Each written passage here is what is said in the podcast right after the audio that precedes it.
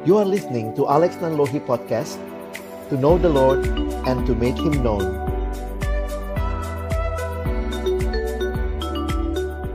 Kita membaca merenungkan firman-Nya. Bapa di dalam surga, kami datang dalam ucapan syukur kepadamu. Terima kasih untuk kesempatan menikmati pesta rohani yang Tuhan berikan bagi kami KKSJ 2021. Meskipun secara online, tetapi kami percaya bahwa Tuhan hadir dan Tuhan berkenan menyapa kami anak-anakmu. Karena itu kami rindu ya Tuhan, ketika kami akan bersama-sama membuka firman-Mu, bukalah juga hati kami. Jadikanlah hati kami seperti tanah yang baik, supaya ketika benih firman-Mu ditaburkan itu boleh sungguh-sungguh berakar, bertumbuh, dan juga berbuah nyata di dalam kehidupan kami. Berkati baik hambamu yang menyampaikan firman, semua kami yang mendengar, Tuhan tolonglah kami semua agar kami bukan hanya jadi pendengar-pendengar firman yang setia, tapi mampukanlah kami dengan kuasa dan pertolongan dari rohmu yang kudus. Kami dimampukan boleh menjadi pelaku-pelaku firman-Mu di dalam hidup kami, di dalam masa muda kami. Bersabdalah ya Tuhan, kami anak-anak-Mu sedia mendengarnya. Dalam satu nama yang kudus, nama yang berkuasa, nama Tuhan kami Yesus Kristus kami menyerahkan pemberitaan firman-Mu. Amin. Shalom teman-teman, selamat pagi semuanya. Untuk juga Bapak Ibu guru, ada juga kakak-kakak pembimbing dan juga adik-adik siswa. Senang sekali kita bisa ber ini namanya berzumpa ya. Lewat Zoom soalnya ya. Kita berzumpa di Zoom ini dan kita bersyukur melihat kasih Tuhan yang besar untuk siswa. Sehingga meskipun online, Tuhan sediakan acara seperti ini untuk kita nikmati bersama. Teman-teman yang dikasihi Tuhan, hari ini mengawali sesi yang pertama, saya akan coba share screen. Kak Alex sudah coba siapkan satu bagian presentasi yang akan kita lihat sama-sama memahami tema pada sesi pertama ini, ya. Kita akan bicara set your heart to do my will. Kak Alex dapat dua sesi. Hari ini saya mungkin lebih fokus kepada apa yang menjadi kerinduan Allah bagi umat, apa yang menjadi teguran Allah bagi umat, dan besok nanti kita akan lebih banyak merefleksikan bagaimana pelayanan daripada Hagai, ya. Kita akan sama-sama nanti melihat bagaimana Tuhan berkarya di dalam kehidupan umatnya. Senang sekali banyak yang juga sudah hadir dari berbagai tempat. Kalau Kak Alex boleh minta uh, tanya gitu ya. Tadi udah ditanya juga sama Thea ya, tapi mungkin tidak semua tadi sudah hadir. Karena itu teman-teman tolong apa kabarmu hari ini? Ya, biar gampang kita sharingnya, lihat gambar aja ya. Yuk, Teman-teman lihat gambar ini, yang mana yang paling menggambarkan kabarmu hari ini? Silakan tulis nomornya di kolom chat. Wow, Bang Jans 9 gitu ya. Hmm, nari-nari di pohon ya. Jadi India gitu. Wah, Bang Nando masih pengen bobo gitu ya. Ya, thank you teman-teman. Kak Fuji 20. Wih. Nanti lihat ya, Kak Bang Riko nomor 10. Timothy nomor 14. Wah, falling down ya. Silakan teman-teman, yang mana yang paling menggambarkan kabarmu? Kita nggak ada benar salah ya. Apa yang teman-teman rasa silakan sharing aja. Nanti waktu di kelompok nanti coba tanya ya, eh tadi lu pilih nomor berapa gitu ya. Terus kenapa itu yang menjadi pilihan teman-teman? Thank you buat yang sudah share. Bang Bintan juga ada nomor 2 katanya ya. Oke, baik. Kita sama-sama bersyukur Tuhan hadirkan pesta rohani ini buat kita sama-sama. Teman-teman, kita akan coba konsentrasi memahami kitab Hagai. Wah, saya nggak tahu nih, Kales nggak tahu nih, sudah pernah dengar khotbah dari Hagai belum ya? atau waktu ditugasin, wih baru pertama kali kak belajar atau baca kitab Hagai. Kitab Hagai itu adalah kitab yang ada di perjanjian lama itu merupakan salah satu kitab yang singkat atau yang paling singkat sebenarnya dia cuma kalah dengan Obaja. Obadya cuma satu pasal, kalau tidak salah 25 ayat, sementara Hagai dua pasal, ya. Nah, menarik sekali mempelajari bahwa di dalam Alkitab Tuhan berbicara dengan begitu banyak cara, ya. Nah, kita mesti belajar sedikit nanti latar belakang. Karena kalau belajar kitab Hagai, kan tahu-tahu tiba-tiba bangun bait Allah. Kamu pikir loh, ini ada apa? Kenapa harus bangun bait Allah? Nah, memang nggak semua anak suka sejarah, tapi Kak Alex harus ceritain sejarah supaya kita ngerti konteksnya ya. Nanti kita belajar sama-sama. Coba nanti Kak Alex akan ceritakan lebih lebih ini ya, lebih uh, lebih baik lah ya supaya teman-teman nggak ngantuk, nggak tidur. Ya, pagi-pagi udah belajar sejarah gitu ya. Yuk, kita sama-sama lihat. Hari ini kita belajar kitab Hagai, pasal yang pertama, ayat 1 sampai dengan ayat yang ke-14. Kalau kalian punya Alkitab cetak, silahkan dibuka juga ya. Di Alkitab kita, yang Alkitab cetak kita, itu pasal satunya sampai ada ayatnya itu nyambung dengan dua ayat satu, ya. Jadi 2 ayat 1a itu nyambung ke situ. Nanti Kak Alex tulisin juga ya. Tapi kita akan fokus ke 14 ayat pertama saja di dalam kitab Hagai pasal 1 ini. Nah, teman-teman kita akan lihat sama-sama. Saya ajak kita membaca. Silakan ikuti dari rumah masing-masing. Kak Alex akan bacakan buat kita. Pada tahun yang kedua, zaman Raja Darius dalam bulan yang keenam, pada hari pertama bulan itu, datanglah firman Tuhan dengan perantaraan Nabi Hagai kepada Serubabel bin Sealtiel, Bupati Yehuda, dan kepada Yosia, Yosua bin Yosadak, imam besar. Bunyinya, Beginilah firman Tuhan semesta alam Bangsa ini berkata, "Sekarang belum tiba waktunya untuk membangun kembali rumah Tuhan." Maka datanglah firman Tuhan dengan perantaran Nabi Hagai bunyinya. Apakah sudah tiba waktunya bagi kamu untuk mendiami rumah-rumahmu yang dipapani dengan baik, sedang rumah ini tetap menjadi reruntuhan? Oleh sebab itu, beginilah firman Tuhan semesta alam perhatikanlah keadaanmu. Sebenarnya ini tema KKSJ kita ya. Perhatikanlah keadaanmu. Nanti diulang lagi, lihat nanti di ayat 7 kalian akan lihat muncul lagi. Ayat 6 terlebih dahulu. Kamu menabur banyak tetapi membawa pulang hasil sedikit.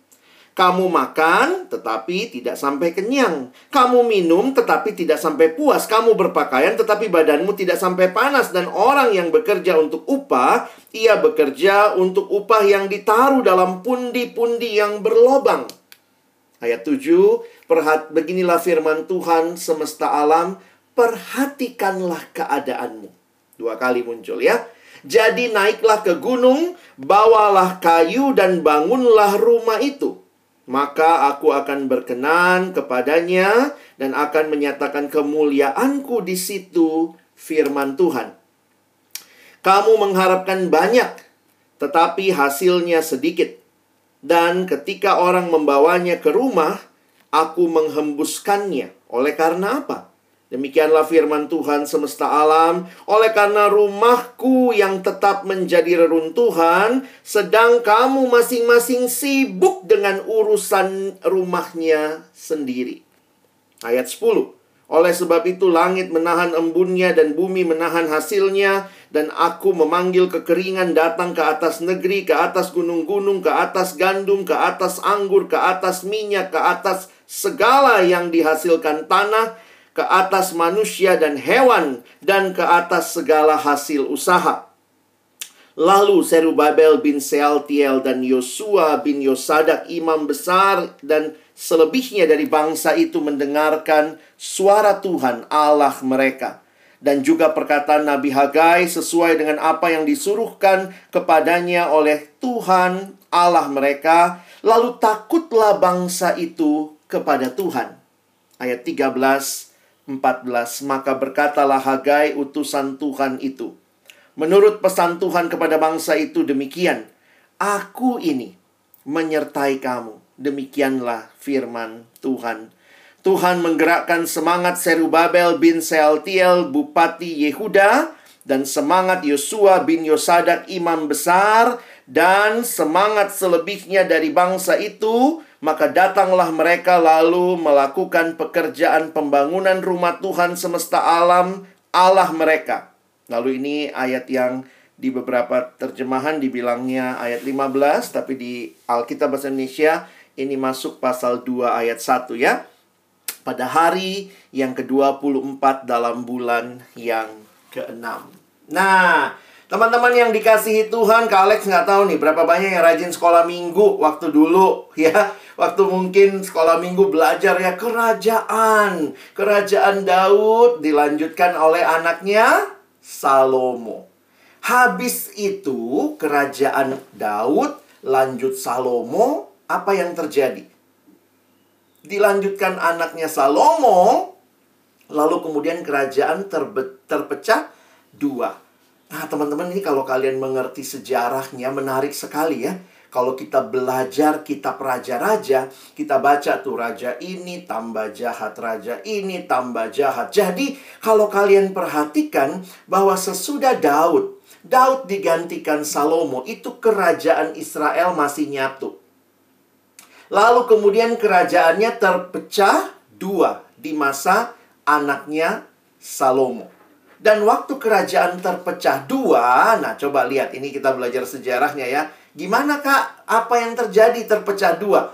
Nah, kalian lihat ya. Maka ada dua kerajaan.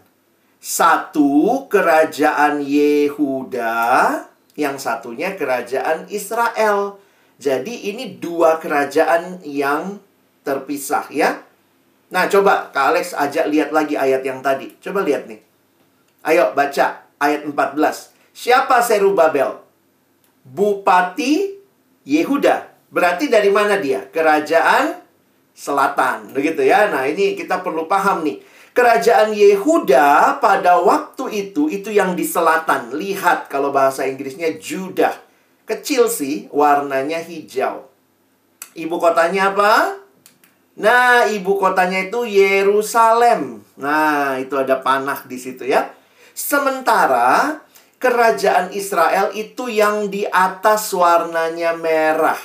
Lebih luas, dia di utara. Lalu kalau kalian perhatikan, ibu kotanya apa? Samaria. Nah, jadi ini belajar sejarah sedikit ya. Dan ketika rajanya makin jahat, makin jahat, makin jahat, Tuhan menghukum mereka. Dan salah satu bentuk hukuman Tuhan adalah umat Allah. Baik kerajaan Israel, kalau kalian ingat sejarahnya, yang jatuh lebih dulu pada waktu itu adalah kerajaan Israel. Lalu kemudian dilanjutkan kerajaan Yehuda. Lalu pada waktu itu mereka dikuasai oleh Babel. Jadi mereka dibawa ke pembuangan. Bayangkan Babel menyerang. Nah, kalau perang sih pasti hancur-hancuran ya. Termasuk yang hancur adalah bait Allah. Jadi bait Allah juga hancur pada waktu itu. Dan kemudian Raja Nebukadnezar, Raja Babel. Jadi kan mereka di, dijajah sama Babel teman-teman. Nebukadnezar membawa mereka ke Babel ke Babylon.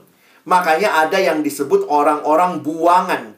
Lalu dipilihlah orang-orang dari Yerusalem, lihat petanya, mereka dibawa ke Babel. Itu rute pada waktu itu yang mesti lewat atas ya, yang tengah itu nggak ada jalan ya. Rutenya ke atas dulu, terus ke bawah, ke Babylon. Jadi pada waktu itu umat Allah ada di Babel sebagai tawanan. Nah, jadi di tengah-tengah situasi itu, Tuhan terus mengutus ya. Sebenarnya sejak kerajaan terpecah dua, Tuhan udah utus banyak nabi. Nabi itu selalu ingetin kalau kamu nggak tobat Tuhan hukum nih. Kalau kamu nggak tobat Tuhan hukum nih. Sampai akhirnya dihukum beneran sama Tuhan. Karena mereka tidak bertobat. Lalu dibawa ke pembuangan di Babel. Di Babel pun Tuhan tetap utus nabi-nabi. Saya pikir Tuhan tuh Luar biasa ya. Nabi itu untuk mengingatkan umat Allah, yuk kembali yuk. Yuk kembali yuk. Tapi ya biasa ya, mereka nggak dengar juga. Sampai memang Tuhan menghukum berapa lama. Tuhan sudah bilang, 70 tahun. 70 tahun Tuhan akan hukum mereka di sana. Dan sesudah itu, sesudah 70 tahun, nanti Tuhan bawa mereka balik ke Yerusalem. Nah, coba teman-teman lihat ya. Udah bisa ngerti ceritanya sebentar. Ada dua kerajaan, dua-duanya bandel, dibawa ke pembuangan. Lalu nabi-nabi datang terus menyampaikan. Nah, kalau kalian bisa lihat gambar yang di depan. Kadang-kadang kita bingung ya, kitab nabi-nabi ini nabinya nabi siapa? Nah, kalau kalian bisa jeli membaca, nanti Kak Alex bagi slide-nya ya. Kalian bisa baca tuh. Itu nabi-nabi yang melayani. Ada yang di Northern Kingdom, itu kerajaan Israel Utara. Ada yang di Southern Kingdom, kerajaan Yehuda. Nah, itu nabi-nabinya ya.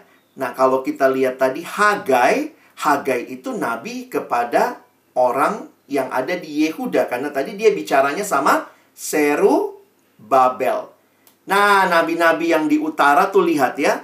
Ada Amos, ada Yunus, ada Hosea, ada ada nabi yang uh, ini juga ya yang nggak yang nggak nulis nggak nulis uh, kitab ya tapi ada Elia ada Elisa itu nabi-nabi di utara sementara nabi-nabi yang di selatan nah itu semua tuh nama-namanya ya Nah, jadi kita bisa melihat nanti kalau teman-teman pakai gambar ini kalau mau baca kitab nabi-nabi, ini yang mana ya? Ini nabi sebelum pembuangan atau sesudah pembuangan. Itu biasanya cara bacanya gitu. Ini nabi utara atau selatan. Itu dulu deh. Nah, ini utara apa selatan ya? Oh, ini yang di utara. Karena dia bicara kepada orang Israel. Dia bicara di Samaria misalnya kayak Elia, Elisa gitu ya. Tetapi oh, ini nabinya di bawah di kerajaan selatan karena dia di Yerusalem. Oh, itu nabi-nabi yang selatan. Nah, lalu kemudian lihat kapan dia melakukan nubuatnya. Contohnya, paling gampang dua bagian. Sebelum pembuangan atau sesudah pembuangan. Nah, gitu cara bacanya ya. Kalau kalian perhatikan, Nabi Hagai adalah nabi yang menyampaikan firman Tuhan sesudah mereka kembali dari pembuangan. Wah, ini jadi ceritanya berapa lama di pembuangan? 70 tahun. Makanya kalau kalian lihat gambarnya itu adalah nabi-nabi yang restored nation katanya ya. Uh, ada yang nabi-nabi yang sebelumnya itu pada waktu sebelum pembuangan. Jadi gitu cara bacanya kalau ketemu kitab nabi-nabi. Ya, kalau suka sejarah kalian bisa lihat lagi. Ini Kak Alex kasih tulisan secara khusus nabi-nabi kecil Nabi kecil tuh yang mana aja? Nah, ini nih. Ada 12 nabi kecil kitabnya ya. Kalian bisa lihat ada Hosea, Yoel, Amos. Nah, kalian bisa lihat tanggalannya tadi. Ya nanti kalau baca ini sesuaikan sama yang ini nih. Misalnya kita jadi tahu nih kalau gambar ini, oh, Hagai itu sejaman sama Sakaria. Hagai itu diteruskan oleh Maleaki. Sakaria itu overlapping antara Hagai dan Maleaki. Ya, itu gitu kali ya cara bacanya ya. Pesannya apa? Nah, pesannya ini nih. Kira-kira sudah coba dikasih gambaran. Ini lagi bicara apa, tentang apa, apa message untuk kita saat ini. Nah, oke okay ya. Nah, kita nggak belajar banyak lah. Pokoknya intinya itu cara membaca kitab nabi-nabi. Karena ini kan menarik ya. Kali ini kita belajar kitab nabi-nabi. Ada yang nanya, ini apaan ya? Gue belum lahir, Kak. Nah, makanya Kak Alex ceritain bahwa ada dua kerajaan, lalu ada masa sebelum pembuangan, ada masa sesudah pembuangan. Nah, nanti kita akan lihat ya. Nah, kali ini dari ayat yang kita baca tadi, Kak Alex ingin kita melihat ada enam hal, ya. Ada enam hal yang bisa kita pelajari sama-sama. Nah, kita akan mulai dari yang pertama, ya. Tadi, latar belakang. Latar belakangnya apa? Perhatikan ayat 1. Pada tahun yang kedua zaman Raja Darius. Jadi teman-teman mesti tahu juga, oh ada Raja Darius. Ini raja yang mana begitu ya. Nah, Raja Darius pada bulan yang keenam pada hari pertama bulan itu. Menarik sekali, salah satu kitab yang paling detail menuliskan waktu itu kitab Hagai. Karena bukan hanya menuliskan bulannya, bahkan tanggalnya. Kalau hari pertama ya tanggal 1. Nanti kalian perhatikan, Nah ya ini semua data-data latar belakang ya. Itu di 1 sampai 14 itu jelas ditulis bulan ke-6 tanggal 1. Nanti pasal 2 bulan yang ke-7 tanggal 21. Nanti pasal 2 ayat 11 bulan yang ke-9 tanggal 24. Nanti pasal yang kedua ayat 21 itu di hari yang sama datangnya dua kali begitu ya. Makanya kalau kalian perhatikan tuh menarik tuh bulan ke-9 tanggal 24. Jadi total-totalnya kalau kalian hitung nih total-totalnya sebenarnya pelayanannya Haga itu cuma 4 bulan teman-teman. Bulan ke-6 sampai bulan ke-9. Nah, itu sedikit tentang latar belakang ya. Dan pada waktu itu kalau kita perhatikan rajanya adalah Raja Darius. Raja Darius ini sebenarnya menggantikan Raja Koresi. Jadi, nah ini sejarah lagi ya. Siapa yang suka nonton film sejarah? Kalian tahu tentunya karena ini kan kejadiannya semua beneran ya. Alkitab tuh bukan bohong-bohongan. Pada waktu itu ada yang namanya kerajaan Babel. Kerajaan Babel ini kerajaan yang besar. Itulah yang menaklukkan mereka. Nah, ketika ditaklukkan, kerajaan Babel menaklukkan rajanya waktu itu Nebukadnezar, mereka dibawa ke pembuangan. Wow, setelah dibawa ke pembuangan di Babel, eh habis Nebukadnezar digantikan oleh anaknya. Lalu kemudian sesudah itu yang terjadi, kerajaan Babel kalah sama kerajaan Media Persia. Makanya rajanya waktu itu digantikan kerajaan Babel digantikan oleh kerajaan Media Persia, rajanya Koresi. Sesudah itu Koresi nanti digantikan oleh Darius. Jadi ini sudah zamannya siapa? Zamannya Darius. Nah, itu sedikit kalau kalian mengerti sejarahnya, kenapa ini jadi penting? Karena ini peristiwa yang real. Alkitab bukan bohong-bohongan bukan isapan jempol. Kalau kalian buka data sejarah, kalian cocokkan, saya pikir ini akan sangat luar biasa. Tuhan berbicara melalui perantaraan Hagai. Oke? Okay? Siapa Hagai? Jadi kalau kita lihat, Hagai adalah nabi yang diutus Tuhan untuk menegur dan menggerakkan orang Yahudi. Siapakah orang Yahudinya? Ini adalah orang-orang buangan yang sudah kembali ke Yerusalem untuk membangun ulang bait suci setelah 14 tahun terhambat. Nanti kita lihat ceritanya ya. Jadi, waktu kamu perhatikan Hagai ini, Tuhan utus justru kepada orang-orang yang sudah pulang dari pembuangan. Makanya, teman-teman bisa lihat juga ya beberapa nama yang muncul. Hanya di ayat 1, ini banyak latar belakang di sini. Ada Serubabel, Siapakah Serubabel? Dia bupati Yehuda, pemimpin. Lalu kemudian siapa lagi?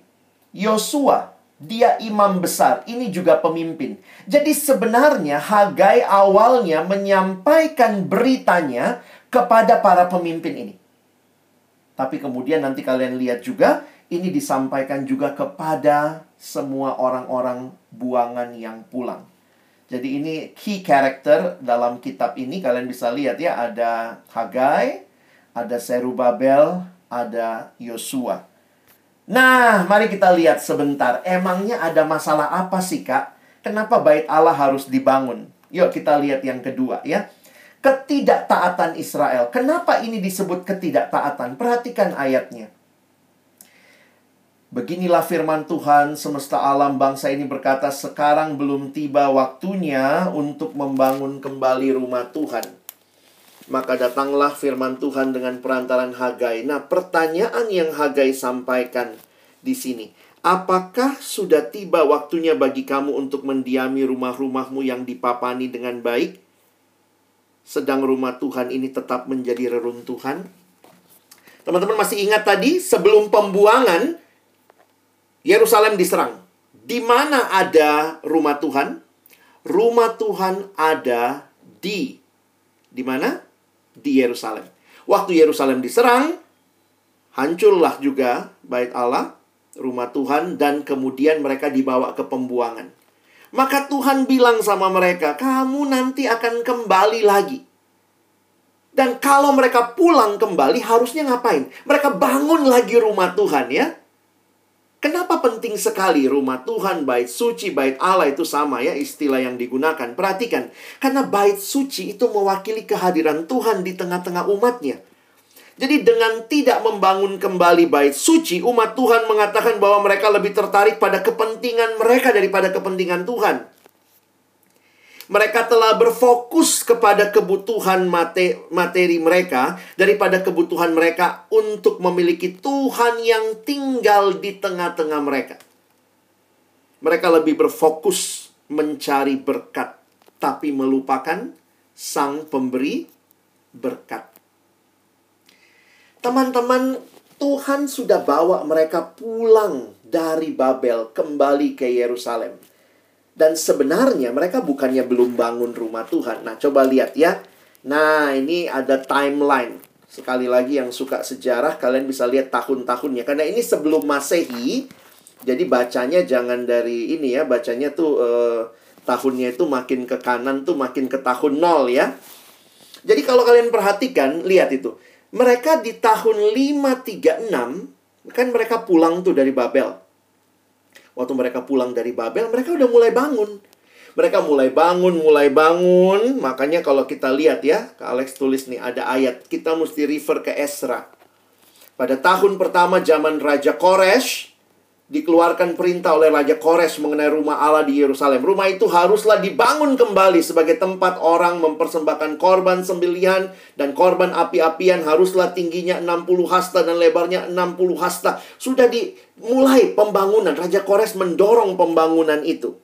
Tapi, nanti kalian perhatikan, ternyata ada tantangan. Ya, pada waktu itu terhentilah pekerjaan membangun rumah Allah yang di Yerusalem dan tetap terhenti sampai tahun kedua zaman pemerintahan Darius Raja Negeri Persia. Bayangkan dari zaman Kores sudah mulai bangun, tapi terhenti sampai sudah ganti rajanya nih, zaman Darius. Berapa lama tuh? Kurang lebih 14 tahun tertunda pembangunannya. Nah, nanti kalian perhatikan ya. Makanya Tuhan itu pakai Hagai Tuhan pakai Sakaria, mereka ini orang-orang yang di, diutus Tuhan, nabi yang diutus Tuhan untuk ingatin orang Israel, ayo bangun lagi. Wah ini memang jadi menarik ya. Sudah pernah dibangun, ada tantangan jadi males melanjutkan karena tantangannya sangat besar, tapi jadi lupa. Sampai mereka mulai sibuk bangun rumah mereka masing-masing. Raja sudah ganti, mereka masih lupa, ya. Nah, dalam data sejarah ada catatan begini. Sebenarnya pada masa Darius, orang Yahudi tidak mengalami perlawanan seperti zaman Kores. Waktu di zaman Kores itulah terhenti kan? Karena perlawanan tuh sangat kuat. Di zaman Darius sudah ganti raja, udah nggak seperti dulu perlawanannya. Tapi dasar males gitu ya. Mereka tetap tidak inisiatif untuk melanjutkan pembangunan bait suci yang tertunda. Hagai hadir, makanya Hagai hadir untuk mencoba membangkitkan mereka dari kelesuan. Bagi saya Hagai ini seorang yang Tuhan utus khusus kepada zaman sebuah masa yang sudah nyaman, sudah enak rasanya ya sudahlah baik rumah Tuhan nah udahlah biar begitu saja yang penting kami tinggal dengan baik. Tuhan utus Hagai untuk ingatkan lagi. Makanya ingat ya, tahunnya Hagai kapan? Masih ingat tadi ayat 1? Kapan itu? Pada tahun kedua zaman Darius. Di zaman Darius Tuhan mengutus Hagai lanjutkan lagi membangun rumah Allah. Kitab Hagai memperlihatkan dengan jelas. Karena ketika mereka tidak bangun rumah itu, itu bentuk ketidaktaatan. Tetapi ketika mereka taat, wah itu luar biasa. Ketika bangsa Israel memberikan prioritas mereka untuk rumah Allah, mereka diberkati bukan dikutuk. Sementara kalau mereka tidak melakukan, mereka tidak taat, ada konsekuensinya. Perhatikan apa konsekuensinya. Ya. Ini kalimat yang menarik waktu Kak Alex perhatikan ya. Delay in doing what God commands or desire is really just disobedience. Jadi dia tahu harus bangun tapi nggak bangun. Dia nunda-nunda. Itu bentuk ketidaktaatan. Dan menarik sekali kalimatnya begini. Slow obedience is no obedience. Jadi orang yang taatnya lambat-lambat gitu ya, itu sama aja nggak taat sebenarnya. Mereka tahu nih harus bangun rumah Tuhan. Aduh males ah. Mungkin mereka bilang dulu ada tantangan. Nanti kalau kami bangun lagi nanti ada tantangan lagi. Padahal sudah ganti raja. Makanya Tuhan sampai utus Hagai. Hagai ingetin.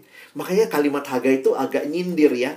Asik kamu ya tinggal di rumahmu, rumahmu udah bagus, rumah Tuhan jadi begitu aja. Pada masa itu, rumah Tuhan itu adalah lambang kehadiran Tuhan. Makanya lihat kalimat tadi ya. Membangun diri sendiri, kepentingan sendiri, mengabaikan rumah Tuhan itu seperti mengabaikan Tuhan. Karena itu lihat akibat ketidaktaatan. Sebenarnya ada yang Kak Alex lupa tulis ya Akibat ketidaktaatan. Kalian bisa lihat juga di ayat 9 sampai ayat yang ke-10 itu ya. Ayat 9 sampai ayat yang ke-10 Kita lihat dulu ayat 9-nya ya. Kamu mengharapkan banyak tetapi hasilnya sedikit dan ketika kamu membawanya ke rumah, aku menghembuskannya. Oleh karena apa? Demikianlah firman Tuhan semesta alam. Nah, ini kalimatnya oleh karena rumahku yang tetap menjadi reruntuhan. Sedangkan kamu masing-masing sibuk dengan urusan rumahnya sendiri. Wow, ngeri sekali.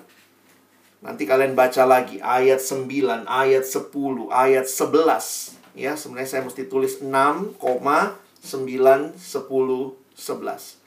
Di ayat 6 sendiri lihat akibat ketidaktaatan mereka itu kayak orang yang melakukan hal yang tidak ada gunanya.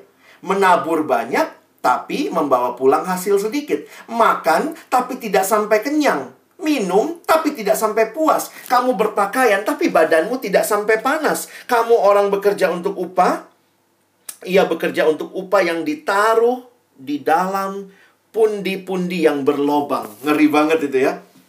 Punya sih pundi-pundi tapi lobang. Jadi apa yang masuk keluar lagi, apa yang masuk keluar lagi. Inilah ketidaktaatan mereka. Dan di sinilah kita melihat Tuhan menegur. Ya. Nah, teman-teman bisa perhatikan nih. Kira-kira kalau sudah begini kondisinya. Sibuk dengan urusannya masing-masing. Tidak mempedulikan Tuhan. Teguran Tuhan, Tuhan akan ngomong apa ya? Dua kali Tuhan bicara ayat 5. Perhatikanlah keadaanmu. Sekali lagi di ayat 7. Perhatikanlah keadaanmu. Di dalam terjemahan bahasa Inggris sebenarnya dipakai istilah consider your ways. Ini terjemahan literal. Memang dalam terjemahan Indonesia nggak kelihatan seperti itu ya, tapi perhatikanlah keadaanmu. Sebenarnya kata consider di sini dapat berarti menetapkan atau mempertimbangkan dan mengacu kepada apa yang ada di dalam dirimu, dalam batinmu, pikiranmu, atau hatimu. Makanya panitia pilih istilah set your heart. Hati lo ke mana sih? Hati lo tuh sedang ke mana? Sedang memprioritaskan Tuhan atau tidak?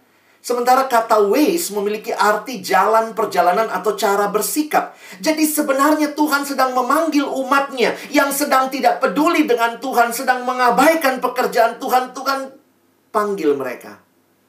Ke mana hatimu? Set your heart. Hati lu ke mana? Apa yang sedang kamu lakukan dengan apa yang aku berikan? Dan perhatikan, Tuhan ingatkan ya, kalau saya baca begini, perhatikanlah keadaanmu. Tuhan kasih tahu, nih keadaanmu nih, kayak ayat 6. Menabur, tapi nggak ada apa-apa. Seperti punya upah dalam kantong yang berlubang, nggak pernah penuh. Habis terus. Kayak Tuhan mau bilang, kayak gini hidup. Kamu nggak pernah mengalami kepuasan. Di ayat yang ketujuh, Tuhan bilang, perhatikanlah keadaanmu. Tetapi ini lebih positif ya Ayo naik gitu ya kayak Tuhan bilang udah deh sekarang perhatikan keadaanmu ayo mulai bangun. Makanya ayat 8 ya jadi naiklah ke gunung bawalah kayu bangunlah rumah itu. Kalau tadi kan dia ngasih tahu perhatikan keadaanmu ini yang terjadi kalau kamu nggak taat. Tapi sekarang perhatikan keadaanmu bangun rumah itu. Jadi secara sederhana pesan pasal satu ini apa ya Kalau tadi udah Alex cerita banyak sejarah, kalian mungkin gak ingat ya. Tapi ingat pesannya pasal satu ini.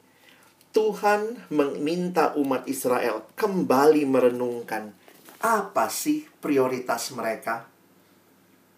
Bukannya, bukankah tujuan Allah membebaskan umatnya dari Babel? Mereka dibebaskan supaya mereka kembali ke tempat Allah hadir di tanah perjanjian dan karena itu harusnya mereka membangun rumah Allah. Kamu dibebaskan untuk membangun rumah Allah, tetapi setelah ada tantangan kamu berhenti membangun, kamu sibuk membangun dirimu sendiri. Wah, ngeri sekali ya kalau hidup seperti itu, teman-teman. Hidup yang hanya memprioritaskan apa yang saya mau. Hagai dipanggil untuk menyampaikan teguran Tuhan ini. Nah, puji Tuhannya ya, respon Israelnya nih. Menarik sekali ya. Respon Israel apa? Ya, puji Tuhan teman-teman. Mereka taat ya. Kadang-kadang sedihnya gitu ya, udah diperingatin nggak taat juga.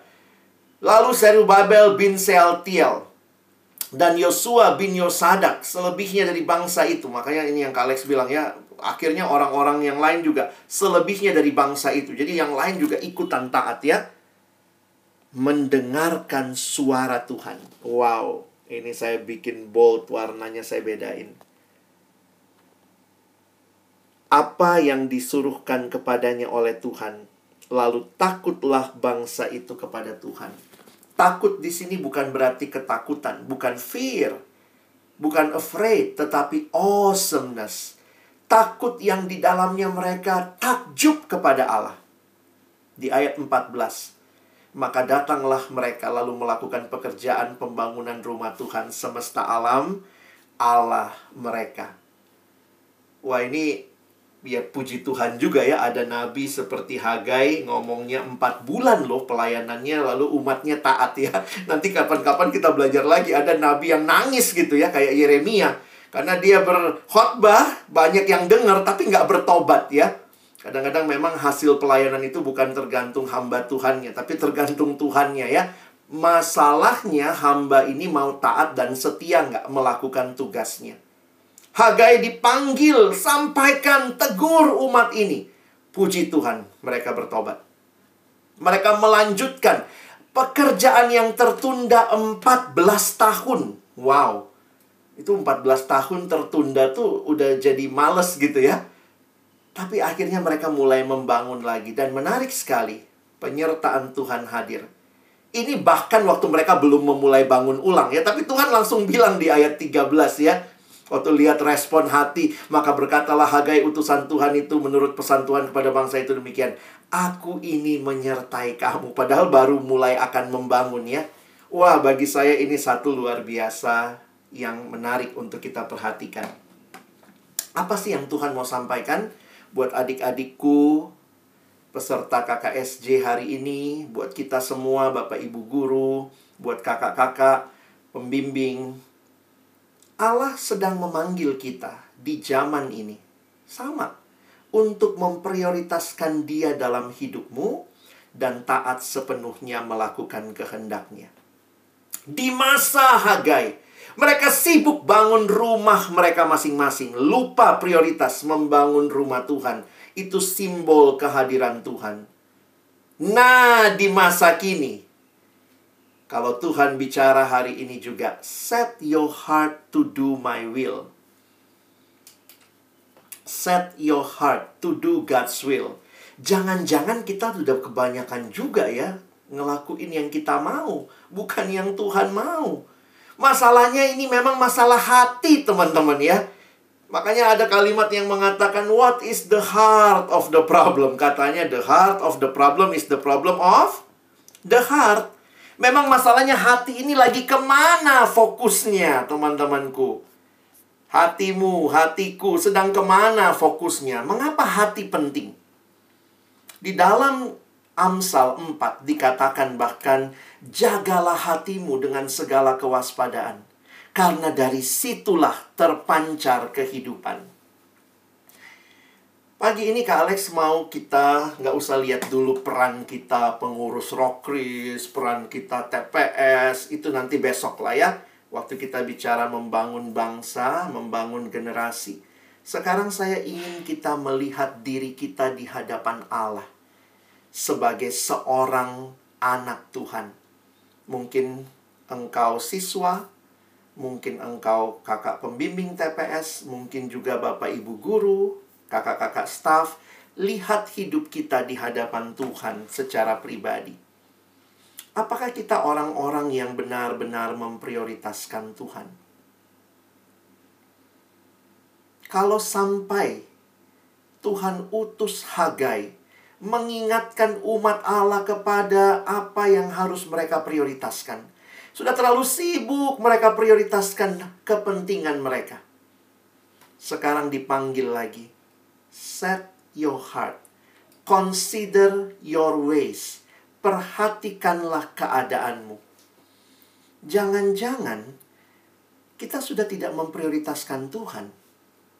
Saya nggak menghakimi, saya bilangnya jangan-jangan. Tapi kita perlu jujur dan evaluasi ya. Ini pertanyaan evaluasi kita pagi ini. Apakah ada hal-hal yang sering kali mengalihkan fokus saudara dari Allah? Hai teman-temanku, jangankan kita mungkin mengatakan kita pengurus rokris, kita kakak pembimbing TPS, kita guru, kita staff, wah kita hamba Tuhan. Tapi adakah hal-hal yang sering kali mengalihkan fokus kita dari Allah? Ini generasi yang sedang dipanggil oleh Tuhan kembali set your heart to do my will. Ini generasi yang kembali dipanggil oleh Tuhan untuk lihat apa yang jadi prioritas kita. Ataukah ada hal-hal yang sedang mengalihkan fokus kita dari Tuhan? Satu ayat yang menarik bisa kita refleksikan pagi ini di kitab Ibrani ya. Di kitab Ibrani pasal 12 ayat 1 ada kalimat yang menarik.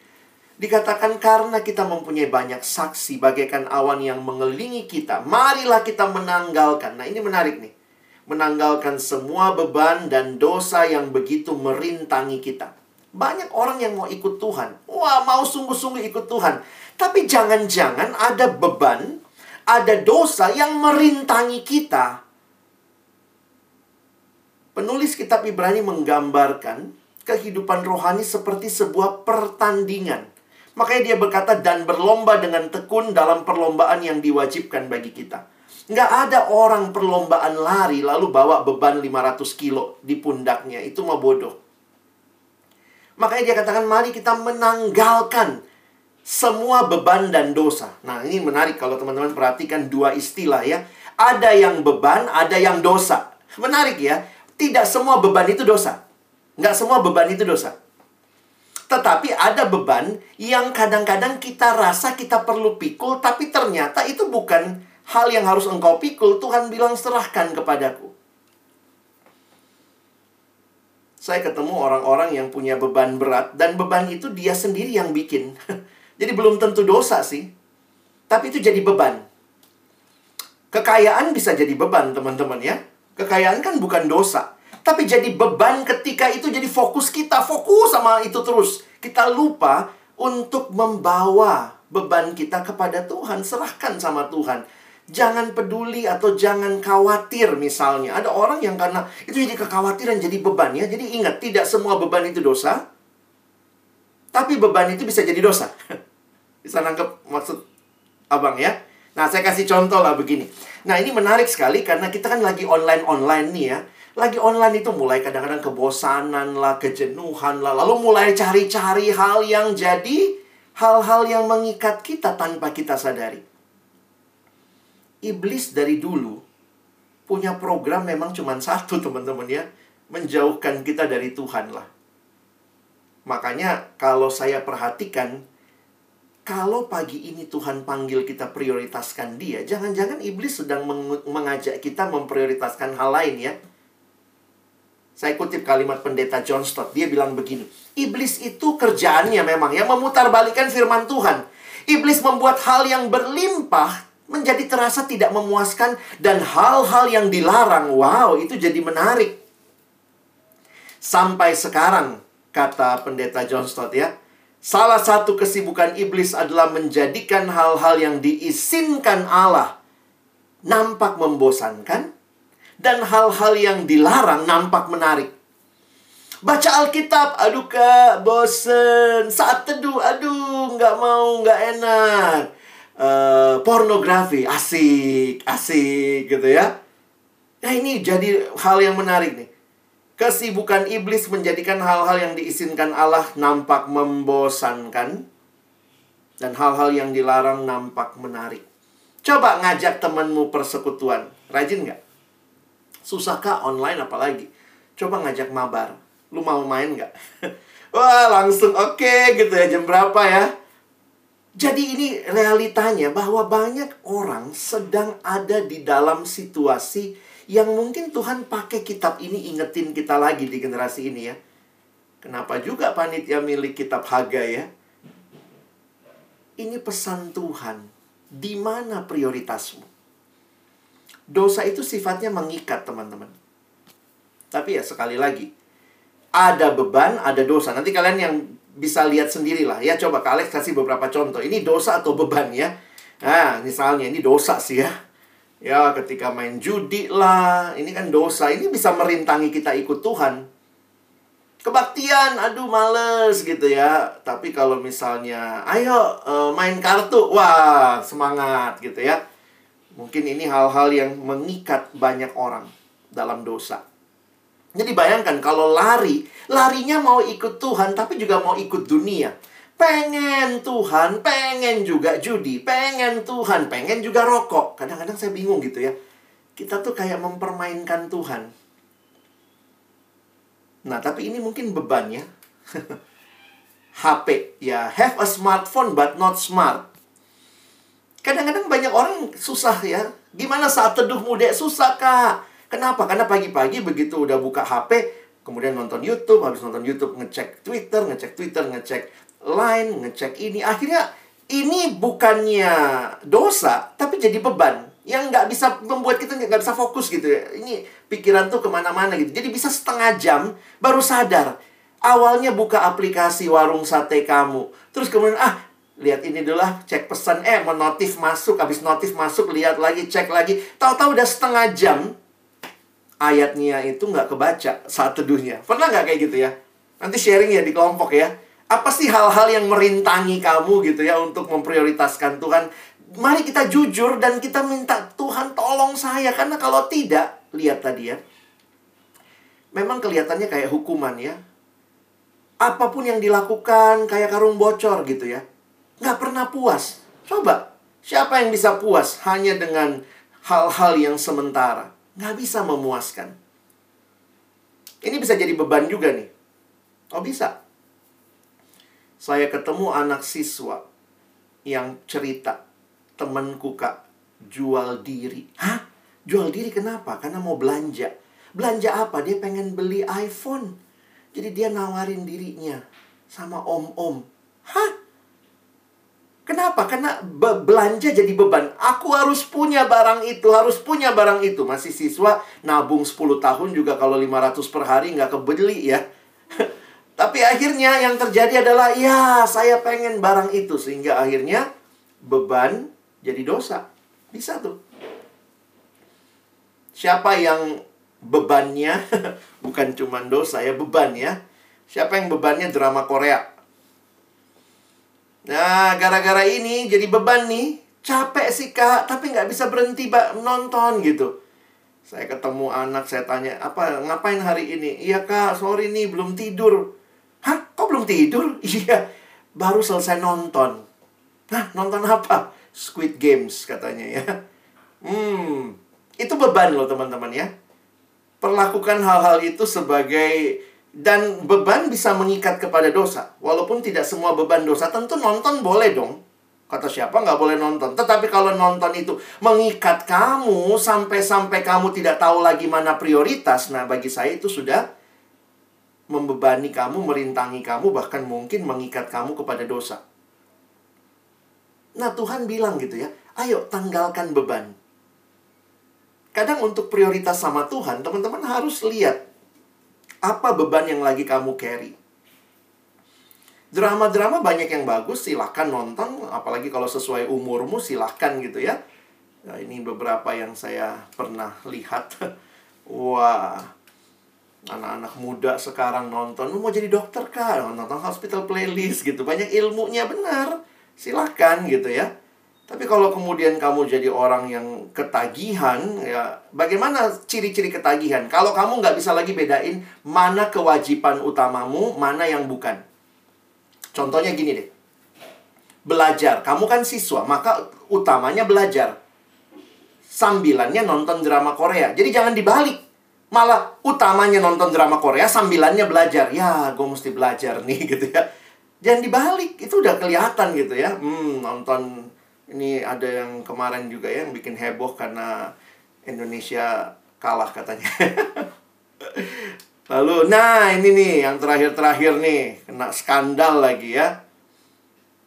Hmm, Squid Games. Belum lagi yang kadang-kadang merintangi kita beban-beban kita. Jangan-jangan ini jadi beban juga nih. Semua opa-opa ini, Oni ya Ya saya nggak tahu bagaimana teman-teman menyikapinya, tapi realitanya ini beban-beban yang bisa membuat kita terhalang untuk memprioritaskan Tuhan. Sekali lagi, tidak ada yang salah dengan melihat, menonton yang bagus, yang indah. Tetapi ketika ini sudah jadi beban, kalau game online tuh rasanya luar biasa ya. Semangat, hype-nya luar biasa tapi kalau ibadah online, capek, males, aduh matanya perih. Ya ile, aku kadang kalian suka geli gitu ya. Eh mata perih kalau main game aja, ya. Sampai mata perih nggak ada alasan gitu ya. Bisa bertahan 2-3 jam lupa makan. Kalau kebaktian, kak kapan selesai kak mau makan gitu ya. Wah itu realita yang menarik ya. Saya nggak tahu apa yang sedang menjadi beban bagi kamu. Belum lagi ini nih.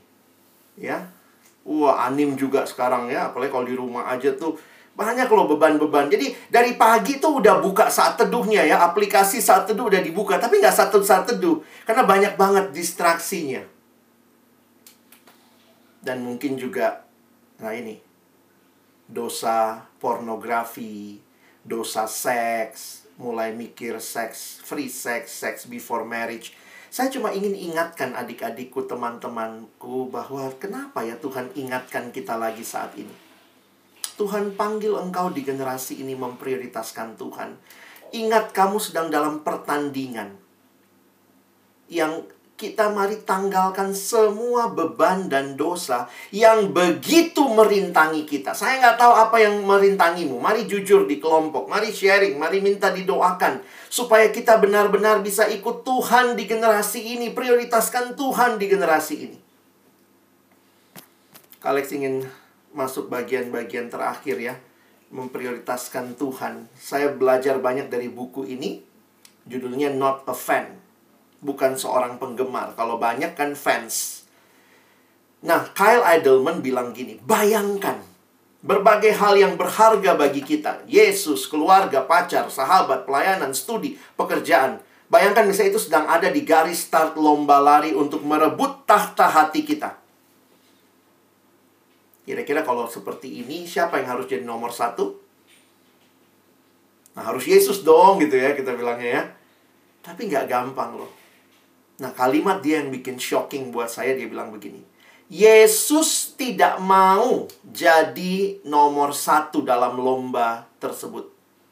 Dia mau. Hanya dia satu-satunya pelari dalam perlombaan itu. Tidak boleh ada persaingan antara relasi kita dengannya dengan relasi yang lain. Wow, teman-teman saya kaget baca pernyataan ini. Kadang-kadang saya pikir, oh Yesus mau jadi nomor satu. Tidak. Dia mau jadi satu-satunya. Ini Bapak Kyle Idleman ya. Yesus tidak mau jadi nomor satu dalam hidup kita. Dia mau hanya satu-satunya dalam hidup kita. Kenapa? Karena hanya dialah yang benar-benar memberikan semuanya bagi kita. Kalau engkau dan saya bisa bilang, I love you Jesus. Maka ingatlah, itu karena dia yang telah terlebih dahulu mengasihi kita satu-satunya pribadi yang menyerahkan dirinya bagi kita. Game online tidak pernah mati buat kamu. Kalau game online mati bagimu, prioritaskan game online. Hebat sekali dia, dia mati buat kamu. Kalau drama Korea pernah mati buat kamu, prioritaskan itu. Habis-habisan, hanya drama Korea. Karena dia mati bagiku. Kalau anim pernah mati bagimu. Naruto mati berkali-kali nggak mati ya. Kalau dia pernah mati buatmu, prioritaskan dia. Tapi tidak ada satupun yang pernah mati bagimu selain Yesus Kristus. Satu-satunya Tuhan dan Juru Selamat. Yang engkau berkata, I love Jesus Christ. That's only because He loves me first. Karena dia sudah mati bagi kita dan dia segala-galanya bagi kita. Kalau dia minta, prioritaskan aku dalam hidupmu. Itu bukan yang aneh. Mari teman-teman, jadi generasi yang benar-benar memprioritaskan Tuhan dalam hidupmu. Tinggalkan dosa, tinggalkan beban-beban yang merintangi. Atur prioritasmu lagi. Tanyakan, sudahkah sungguh-sungguh engkau membangun pertumbuhan rohanimu? Komitmen bertumbuh. Bagi saya inilah hal yang paling sederhana mengukur prioritas. Bagaimana pertumbuhanmu? Seorang bernama Bapak Dawson Trotman, dia membuat gambar ini. Dia menggambarkan inilah kehidupan orang Kristen yang taat. Dia menyebutnya ilustrasi roda, karena ini seperti roda ya. Maka dia katakan roda itu yang muter apanya? Roda yang muter porosnya. Maka di pusat hidup harus ada Kristus. Pastikan ada Yesus Kristus. Terima Yesus dalam hidupmu. Tetapi dihubungkan dengan dua jari-jari. Satu yang vertikal, hubungan dengan Allah. Satu yang horizontal, hubungan dengan sesama. Saya bicara kepada Allah, namanya doa. Allah bicara kepada saya di dalam firman. Relasi yang horizontal, hubungan dengan sesama. Ke dalam dengan sesama orang percaya, saya rajin bersekutu. Keluar dengan mereka yang belum percaya, saya hidup bersaksi. Jadi sebenarnya inilah gambaran kehidupan rohani yang benar-benar memprioritaskan Tuhan, Tuhan di pusat hidup dan kita terhubung. Terhubung bukan hanya dengan Allah, tetapi juga dengan sesama. Maka kalau kita di persekutuan selalu mengingatkannya disiplin rohani. Bagaimana disiplin rohanimu? Bagaimana disiplin rohani ya? Baca kitab suci, berdoa, bersekutu, bersaksi, melayani. Kalau untuk hal-hal ini kita tidak ada waktu lagi, kalau untuk hal-hal ini teman-teman tidak punya prioritas lagi, baca Alkitab seadanya, sesempatnya. Waduh, sedih banget hidup kita. Kalau semua hal yang lain bisa begitu rupa kita spend waktu. Kadang-kadang saya mikir ya, habis nonton drama Korea, wih, ini nonton satu jam kali 16. Wah, itu kayak SKS ya. 16 pertemuan ya. Itu 16 jam loh. 16 jam kamu habiskan nonton satu serial drama. Nonton YouTube konser, BTS bisa 2 jam, 3 jam. Tapi pertanyaannya bagaimana waktu-waktu yang kita berikan untuk disiplin rohani ya? Untuk bersekutu, bersaksi, melayani. Jadi sebelum teman-teman yang, yang kumpul ini kan banyak pengurus rokris ya. Sebelum kalian ajak temanmu, ayo kita bangun generasi ini. Bangun dulu dirimu. Kamu memprioritaskan Tuhan atau tidak? Walking with Jesus daily Harusnya inilah hidup kita. Sehingga kalau kamu sudah hidup di dalam Tuhan, kamu menikmati relasi dengan dia, kamu akan jadi orang yang bisa mengajak orang lain. Ayo ikutan. Tapi jangan ngajak kalau kamu juga nggak ngalamin itu jadi lucu ya. Ayo ikutan, ikutan ke mana? Nggak tahu juga gitu ya. Tapi kalau kamu bilang, memang kak, saya belum tahu, saya belum punya hidup kayak begini, tapi saya mau. Dan saya mau ajak teman saya. Nah itu beda. Ya, Ayo kita nikmati sama-sama, maka bangunlah pentingnya quality time. Jadi kadang-kadang bagi saya yang masalah bukan saat teduhnya, tapi apakah saat teduhnya di dalam waktu yang berkualitas. Saya tanya satu anak siswa, gimana saat teduhmu dek? Aduh kak, teduh, teduh banget gitu ya, nggak pernah berarti. Atau saya bilang ya beberapa kali ngelakuin sih kak, tapi kayaknya capek kak, ngantuk. Saya bilang kamu baca Alkitabnya jam berapa? Sebelum tidur, Kak. Kamu tidur jam berapa? Jam 10. Jadi kamu saat teduh, ya jam 10 kurang 5 lah. Ya elah, pantes. Itu waktunya tidur. Kamu saat teduh di situ, kamu tertidur. Kenapa kamu tidak kasih quality time? Kenapa nggak saat teduh di jam kamu lagi melek? Jam 6 misalnya ya. Karena dia anak malam ya, dia bilang saat teduhnya katanya malam ya. Saya bilang ya udah jam 6 sore sampai jam 6.15 kamu saat teduh. Habis itu kan bisa lanjutkan sesuatu. Jadi kamu saat teduh di waktu yang berkualitas. Doa juga begitu. Kadang-kadang datang doa. Tuhan, saya mau berdoa untuk seluruh dunia. Eh, datangnya di jam tidur. Mulai jam berapa doanya? Jam 10. Eh, kalau dia tidur jam 10, dia doa mulai jam 9.55. Itu kan jam-jam ngantuk. Itu kan bodoh namanya ya.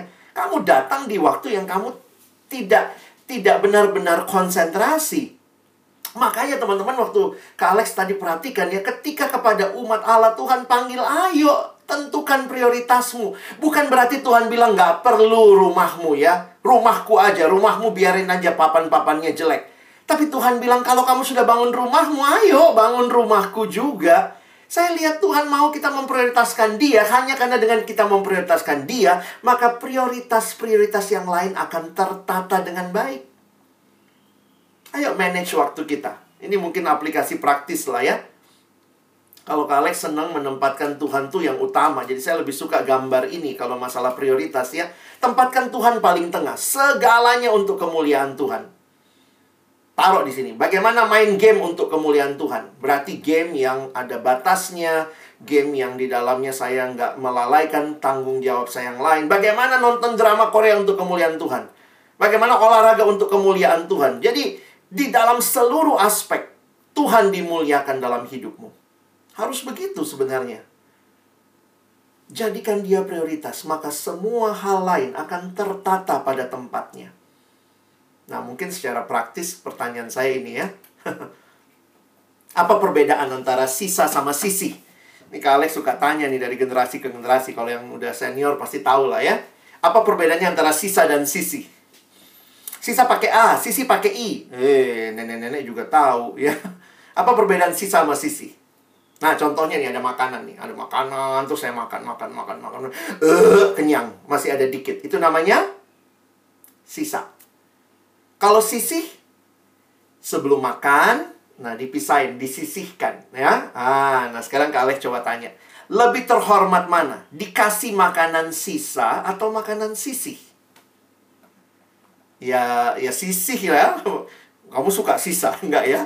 Tentu yang sisi ya, nah, disisihkan. Nah, pertanyaan saya lebih jauh begini.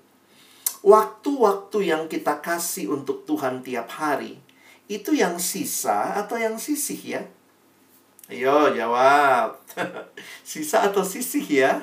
Saya pernah nanya siswa terus lama dia mikir. Hmm, sisa sih ya. Kita ditantang lagi hari ini. Apakah engkau menyisihkan waktumu untuk Tuhan? Bukan sekedar sisakan. Untuk hal yang penting, orang akan memberi waktu. Untuk hal yang penting, orang akan rela menyisihkan waktu, tenaga, dan uang. Teman-temanku, adik-adikku yang dikasihi Tuhan, ini kalimat yang menutup khotbah saya ya. To change your life, you need to change your priorities. Untuk mengubah hidupmu, engkau harus mengubah prioritas-prioritasmu. Tanyakan lagi, apa yang paling penting saat ini di hidupmu? Apakah ada hal-hal lain yang sedang merintangi engkau untuk prioritas kepada Tuhan? Kita bisa nyanyi, "Kau yang terindah di dalam hidupku." Tapi untuk yang terindah itu, sudahkah kita memberikan waktu kita? Menyisihkan waktu kita. Set my heart to do your will. Hari ini saya rindu kita meresponi firman Tuhan. Kak Alex akan mengajak kalian dengarkan lagu ini. Dengar lagu ini. Responi dalam hatimu. Sudahkah Tuhan jadi segalanya yang terindah bagimu?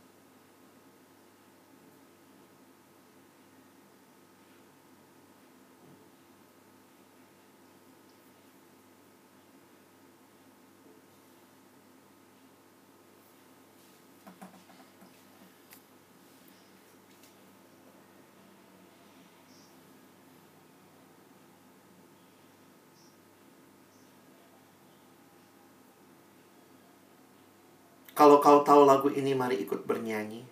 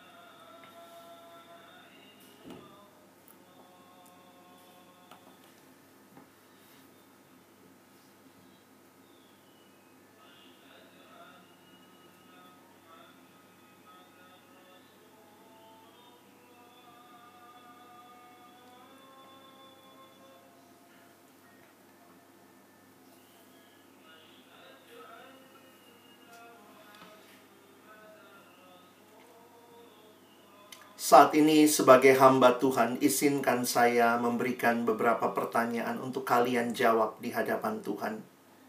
Ingat, kalian tidak menjawab ke Alex. Kalian menjawab Tuhan yang tahu dan kenal hatimu. Mungkin ada di antara adik-adikku yang hari ini berkata, Tuhan di sini saya. Saya mau memprioritaskan engkau dalam hidupku. Sama seperti teguran Tuhan kepada umat yang melalaikan engkau mengabaikan engkau. Hari ini Tuhan kau tegur aku juga. Yang mungkin sudah selama ini mengabaikan Tuhan, memprioritaskan banyak hal lain. Tapi melupakan Tuhan. Sehingga saya mengembara Tuhan di dalam kepuasan-kepuasan yang tidak pernah memuaskan sungguh-sungguh. Mungkin ada adik-adikku yang hari ini berkata, Tuhan saya mau buka hatiku.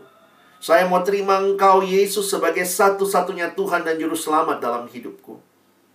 Kalau ada adik-adik yang pertama kali mau buka hatimu terima Yesus di dalam hidupmu sebagai satu-satunya Tuhan dan Juru Selamat. Kak Alex rindu mendoakan keputusanmu. Pada waktu kita semua, di tempat kita masing-masing, ambil keputusan ini. Kalau Tuhan sentuh hatimu pagi ini, saya mau menjadikan engkau satu-satunya Tuhan dan Juru Selamat buka hatimu. Jika ada yang mengambil keputusan ini, Kak Alex akan mendoakan engkau. Taruh tangan kananmu di dada sebagai simbol. Ini hanya simbol engkau menyerahkan hidupmu. Menerima Yesus sebagai Tuhan dan Juru Selamatmu. Mari taruh tangan kananmu di dada. Mungkin tidak usah buka kamera kalau memang sulit. Tapi kalau iya, mudah, silahkan buka kameramu Kak Alex akan doakan keputusanmu bagi adik-adikku yang mau buka hati pertama kali terima Yesus. Mari berdoa. Tuhan kau melihat setiap kami di hadapanmu yang hari ini buka hati kami terima engkau. Tuhan tolong agar kami benar-benar rindu untuk hidup hanya bagimu. Terima kasih karena engkau mati dan bangkit bagi kami. Karya keselamatanmu membawa kami dalam hidup yang baru. Karena itu Tuhan, teguhkanlah adik-adikku yang hari ini berkata, saya mau buka hati terima Yesus. Tinggallah dalam hidup mereka. Engkau satu-satunya Tuhan dan Juru Selamat yang tidak akan pernah meninggalkan mereka. Mereka milikmu. Dan tolong mereka untuk punya tekad hidup dalam hidup yang baru. Hidup memprioritaskan Tuhan hidup menjadikan engkau yang terindah satu-satunya dalam hidup mereka. Dalam nama Yesus kami berdoa. Pertanyaan saya yang kedua, apakah ada adik-adikku yang mau dibaharui komitmennya sekali lagi? Mungkin kamu sudah pernah terima Yesus. Kamu pernah ikut KKR, kamu pernah dilayani terima Yesus mungkin dalam kelompok kecil. Tetapi seiring berjalannya waktu, Mungkin kau jatuh lagi dalam hidup dosa yang lama. Dan hari ini, Tuhan panggil engkau kembali. Siapa yang mau dibaharui sekali lagi? Bagi mereka yang sudah pernah terima Yesus. Tapi engkau rindu dibaharui sekali lagi. Karena mungkin selama ini engkau sudah mulai mengesampingkan Tuhan dalam hidupmu. Banyak prioritas lain yang menjadi bagianmu. Mungkin engkau sudah melayani. Engkau bahkan sudah menjadi orang yang melayani di banyak tempat. Tapi Tuhan ingatkan, apakah aku menjadi prioritas utama dalam hidupmu? Mungkin juga bagi ada teman-teman, kakak-kakak pembimbing yang hari ini mau dibaharui sekali lagi. Mari, saya rindu doakan saudara, taruh tangan kanan saudara di dada saudara. Dan mari kita datang kepada Tuhan, membaharui komitmen kita. Bapa di dalam surga, engkau lihat kami yang selama ini sudah ikut engkau, sudah buka hati terima engkau. Tapi dalam perjalanan kami Tuhan, kami kembali jatuh dalam dosa-dosa kami yang lama. Kami terlena dengan begitu banyak beban, rintangan yang membuat kami sulit memprioritaskan Tuhan. Tapi hari ini Tuhan panggil kami kembali, set our heart to do your will. Tuhan, teguhkan kami. Hamba berdoa bagi adik-adikku yang hari ini kembali dibaharui teguhkan mereka. Mungkin mereka sudah melayani. Kiranya pelayanan-pelayanan mereka berbuah lebat karena mereka orang-orang yang mengalami relasi dengan Tuhan, memprioritaskan Tuhan. Bukan seperti karung bocor, tapi pelayanan yang berbuah bagi kemuliaan Tuhan. Terima kasih banyak Tuhan. Dan bagi adik-adikku, mungkinkah ada yang punya pergumulan dosa yang dalam? atau tadi sudah dengar banyak beban yang sebenarnya sedang merintangi engkau ikut Tuhan sungguh-sungguh. Jika engkau mau tinggalkan itu, mari hari ini Kak Alex mau mendoakan kalian. Mari dengan hati yang terbuka di hadapan Tuhan, kita datang kepada Tuhan. Buat mereka yang terikat dengan dosa-dosa seksual, mereka yang terikat dengan berbagai beban, game online, pacar yang tidak seiman, mungkin juga terikat dengan romance-romance yang tidak benar. Mereka yang terikat dengan drama Korea, mereka yang terikat juga dengan anim, mereka yang terikat dengan hal-hal yang membuat mereka jauh dari Tuhan. Datang kepada Tuhan hari ini. Bapa dalam surga engkau melihat setiap hati yang terbuka. Yang menyadari betapa banyak ikatan kami Tuhan dan hari ini kami datang menyerahkan kepada Tuhan, kami mau hidup memprioritaskan Engkau. Tuhan tolong kami membangun lagi waktu-waktu kami membaca merenungkan firman. Tuhan tolong kami membangun lagi hidup yang memprioritaskan Engkau di dalam persekutuan-persekutuan kami. Sebelum Tuhan membangun roh kris, roh kris kami bangunlah hidup kami Tuhan. Supaya generasi ini juga menjadi generasi yang dipersembahkan kepada Tuhan. Karena ada pengurus pelayan yang benar-benar peduli dan menempatkan Tuhan sebagai prioritas dalam hidup mereka. Tuhan teguhkan setiap kami. Bebaskan belenggu-belenggu yang sedang mengikat kami. Angkatlah beban-beban yang tidak penting, yang tidak perlu supaya kami bisa fokus dan mengikut Engkau sungguh-sungguh. Terima kasih Tuhan, terima kasih buat kesempatan kami dilawat kembali oleh Tuhan pagi ini. Dan teguhkanlah setiap komitmen yang kami ambil. Karena kami membawa seluruh hidup kami kepada Tuhan yang telah membawa seluruh hidupmu bagi kami. Dalam nama Tuhan Yesus kami berdoa. Kami bersyukur. Amin. Saya kembalikan kepada MC, kita menyanyikan lagu komitmen kita. Dan nanti Kak Alex akan menutup di dalam doa.